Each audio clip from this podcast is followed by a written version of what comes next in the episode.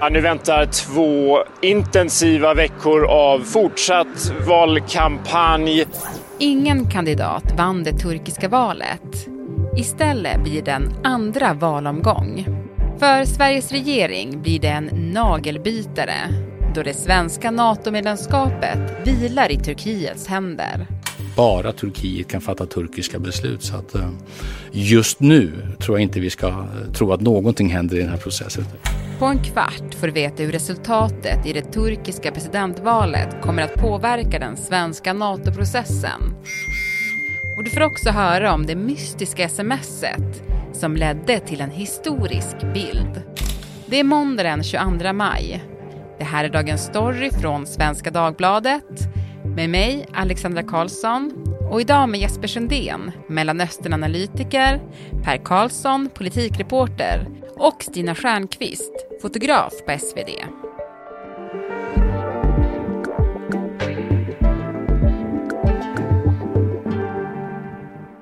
Så kul att vi fått ner hela det här härliga gänget i studion. Jesper. Hej. Per. Hej. Stina. Hej hej! Per, du är tillbaka från pappaledighet.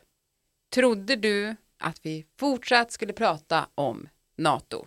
Eh, nej, inte på det här sättet. Eh, jag gick på föräldraledighet i augusti och trodde inte att diskussionen skulle vara som den är nu och framförallt inte att Finland skulle ha gått med för oss. När du trodde att de fortsatt skulle hålla våran hand? Ja, men precis, eller att resultatet inte skulle bli så här i alla fall. Mm. Hörni, förra veckan var det ju ett år sedan dåvarande utrikesminister Ann Linde, socialdemokrat, efter en helomvändning skrev under vår ansökan om att gå med i NATO. Nu ska jag skriva under ansökan som ska gå till eh, NATOs generalsekreterare Jens Stoltenberg eh, att eh, Sverige ansöker om medlemskap i NATO. Så då gör jag det. Det gör jag. Det gjorde hon också. Och du Stina, den här dagen, eh, 17 maj 2022, den blev lite speciell för dig, eller hur? Mm, jag vaknade nämligen till ett väldigt mystiskt sms. Så här eh, stod det. Tjena! Är du i tjänst idag? Jag har eventuellt ett fototillfälle ni säkert vill vara med på. Ring gärna! Oj, oj, oj. Från Andreas, pressekreterare hos utrikesministern. Vad tänkte du då? Ja, då tänkte jag, eh, det var ju jävla tur att jag såg det här smset, för det låter jättespännande. Och eh, så ringde jag. Så var han lite så här, jag kan inte riktigt säga vad det är eller så här. Han var lite så hemlighetsfull men man fattade ändå att så här, ja, det kan vara något stort på gång. Eh, och så sa han att ja, men det är bara fotografer så ta inte med någon eh, reporter. Fint ska det vara, Stina. Visst. Men du, eh, det var faktiskt Erik Hedtjärn som är politikchef här på Svenska Dagbladet som, som kom till eh, oss på Dagens Story och påminde om att du, Stina, tog en ikonisk bild den morgonen. Ja men vet ni vad, vi, eh, vi hade så himla tur. Det var så fint eh, ljus, eh, det var sol ute och liksom, eh, jag kommer ihåg när vi satt där och väntade, vi satt liksom i Ann Lindes eh, rum och väntade på att hon skulle komma in genom dörren och sätta sig och skriva och sådär. Och så brukar jag spana lite på så här ljus och bara, hmm, den där, ja det var lite så här solljusstråle jätteskarp som kom in där. Jag bara, hmm, tänk om man kan få hennes ansikte i den, det blir dramatiskt och härligt så kom hon och så bara smattrar man på liksom och då hinner man inte tänka någonting och så bara hoppas man att det blev skarpt typ. När jag gick tillbaka och kollade då på bilderna så såg jag att hmm, den här eh, ljusstrålen hade träffat eh, mappen som eh, NATO-ansökan låg i och den var ju så här gul så att den bara lyste upp som någon slags så här gyllene, vad vet jag, gyllene ansökan. Ja, men det såg ju magiskt ut. Ja. Eh, men så hade hon på sig en, eh, en glittrig paljettkjol. Eh, så den reflekterades också, så blev det som så här lite festligt disco. Så att eh, ja, en, en bild som eh, skulle kunna ha varit ganska tråkig liksom, blev ändå någonting lite extra. Mm. Det blev ju en historisk bild i en historisk tid. För det här Per, det var ju ändå en väldigt stor sak. Alltså Sverige skulle lämna sin alliansfrihet och det hade tagit lång tid för Socialdemokraterna att, att ändå enas om det. Det var ett stort beslut i deras parti, de hade makten. Men det kändes inte riktigt som regeringen hade räknat med att Turkiet skulle tjafsa så mycket. Nej, det, det absolut inte. Inte då. Man hade också haft möten med, med, med turkarna där de inte hade sagt det de sig skulle, sen skulle säga. Men eh, ganska snabbt så, så mm, insåg man att det här kommer ta, eh, det här kommer ta tid och det kommer bli problem. Sen var det ju då väldigt svårt att se hur lång tid det kommer ta och det är ju fortfarande så att man inte vet eh, hur, hur det här ska sluta. Nej, precis. Det är ju verkligen fortsättning följer på den. Och du Jesper, du var ju i Turkiet förra veckan för att bevaka valet. Just det. Och det har ju alltid varit en sån liten eh, liksom, tidsmätare på att när valet är klart då kanske det kommer gå steg framåt för Sveriges NATO-ansökan. Men det blev ingen segrare. Nej, precis. Det blev eh, inget resultat i presidentvalet. Eh, det går till en andra omgång som blir den 28 eh, maj. Mm. Och eh, det man visste var att oppositionsalliansens utrikespolitiska talesperson hade sagt att om, om de vinner så ska de försöka göra processen så kort som möjligt för ett svenskt medlemskap. Men nu eh, vann ju inte de och de hamnade ju dessutom eh, på andra plats efter Erdogan, alltså de fick färre röster än honom så att eh, just nu så ser det väl inte riktigt ut som att eh, så troligt att de kommer att vinna. Nej, för vad händer nu då? Samtidigt som presidentvalet så var det också parlamentsval och där vann ju AKP, Erdogans parti och hans allierade det är ju parlamentet som ska rösta om den här ratificeringen av den svenska eh, ansökan. Och då är det ju oavsett hur det går i presidentvalet så är det AKP och Erdogan som, som kommer styra hur parlamentet röstar. Om det är så att Kilistarul, oppositions, oppositionens kandidat, skulle vinna, då kommer ju förmodligen parlamentet göra vad de kan för att sabotera för honom. Och då om Kılıçdaroğlu vill godkänna Sverige, ja då kommer parlamentet förmodligen motsätta sig det. Eh, för man vill inte ge honom det här att han har ju sagt att han ska vända sig mot eh, Europa och mot USA och mot väst och, och förbättra relationerna. Det kommer inte eh, AKP och Erdogan vilja ge honom. Så att nu, just nu i det här läget så är nog det bästa för Sverige att om vi bara ser ur, ur NATO-medlemskapets perspektiv att, att Erdogan vinner presidentvalet den 28 maj. Mm. Kort Jesper, innan vi lämnar Turkiet, vad överraskade dig mest när du var där?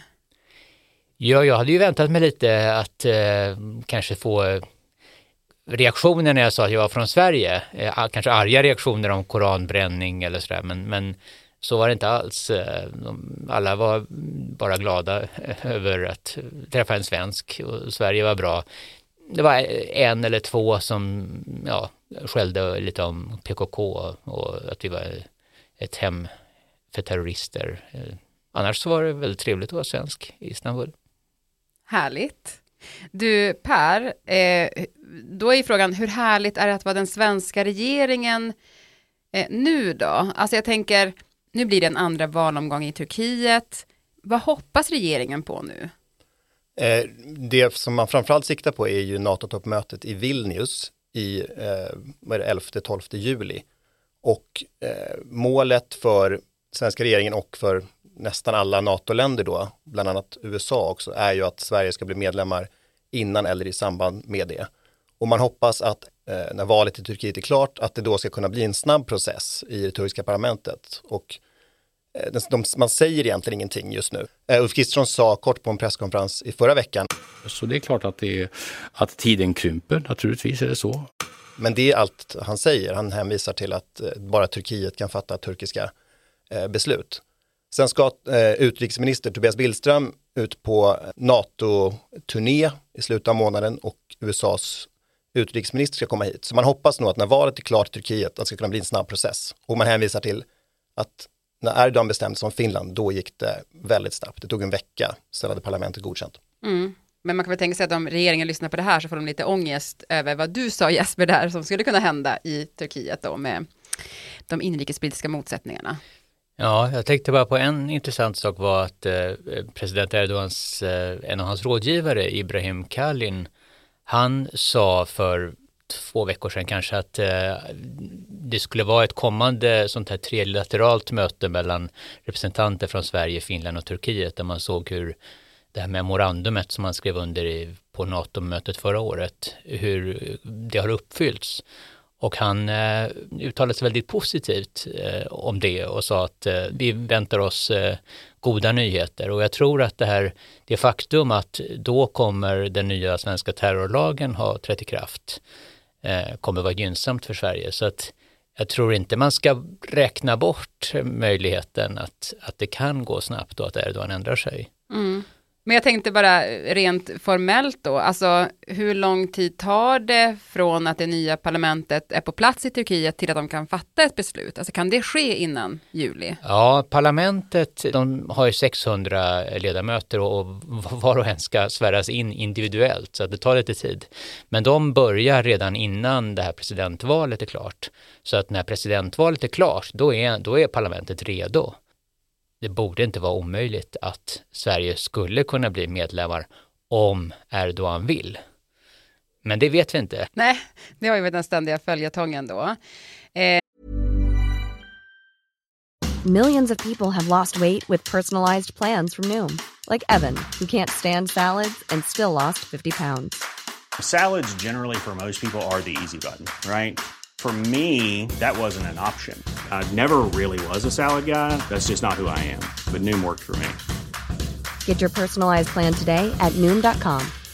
Real Noom user compensated to provide their story. In four weeks, the typical Noom user can expect to lose one to two pounds per week. Individual results may vary. Eh, per, du var inne på det med utrikesminister Tobias Billström. I mars var han jättesäker på att Sverige skulle bli medlemmar eh, på toppmötet då i Vilnius. Så här lät det bland annat i SVT. Kommer Sverige bli godkänt vid det stora toppmötet eh, som Nato har i, juli i sommar? Ja, det är jag helt övertygad om. Vi har alltså 28 utav 30 medlemsstater i Nato som redan har ratificerat Sveriges och Finlands eh, NATO-medlemskapsansökningar.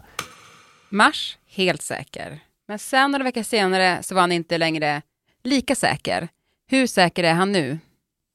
Jag tror inte alls han är säker. Jag tror att de, de, eh, det här har ju han fått äta upp. Alltså man ska inte glömma att den här regeringen, när de tog över förra året så sa ju de att vi har bättre förutsättningar än den förra, alltså den socialdemokratiskt ledda regeringen, att ta Sverige in i NATO. Vi har inte eh, samma bagage, bland annat när det gäller då, eh, ja, Amineh Kakabaveh och stöd till, till eh, kurdiska grupper. Så att det är klart att det är en prestigeförlust för regeringen att, att det här drar ut på tiden. Men jag tror inte han skulle, han skulle absolut inte säga så här idag, eh, han skulle vara mycket mer försiktig, men samtidigt hålla uppe bilden av att regeringen gör allt de kan och det är väl därför den här NATO-turnén han ska ut på och mötet med, med amerikanerna och så är så viktiga. Sverige behöver ju stöd av andra eh, som hela tiden påpekar att det här måste, det här måste skyndas på. Mm. Regeringen har ju alltid sagt att det inte finns någon plan B. Eh, men, men förbereder man sig på något sätt för om det faktiskt skulle ta lång tid innan vi släpps in? Det vet jag inte säkert, men det är någonting man absolut inte får ge sken av. Man måste ju ge bilden av att det här är en process som förvisso går långsammare än vi trodde, men att snart kommer vi vara i, i NATOs trygga famn. Mm. Så när tror ni att det blir då? Jag tror att det kan finnas en chans att det blir ett annat läge nu efter valet. För innan valet så har, så har alla USA och europeiska regeringar har inte velat eh, ja, ge sig in och försöka påverka regeringen, antingen pressa eh, med, med hot om sanktioner eller, eller locka med någonting för att man vill inte påverka valprocessen.